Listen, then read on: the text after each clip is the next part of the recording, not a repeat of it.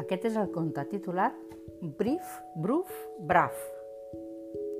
En la tranquil·litat del pati, dos nens jugaven a inventar-se una llengua especial per poder parlar entre ells i que ningú no els entengués.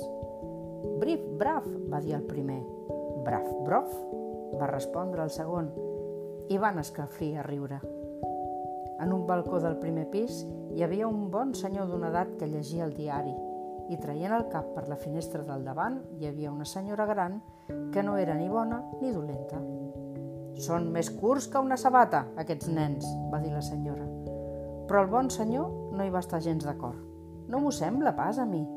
No em dirà que ha entès el que hem dit, deia la senyora. Doncs ho he entès tot.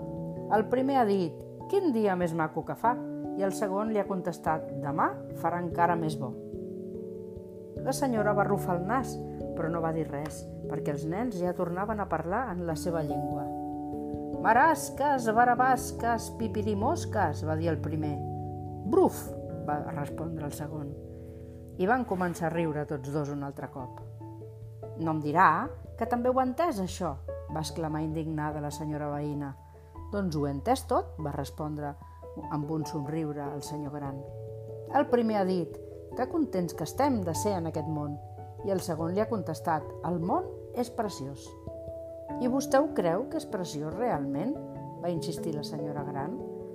Brif, braf, bruf, li va respondre el senyor gran. thank you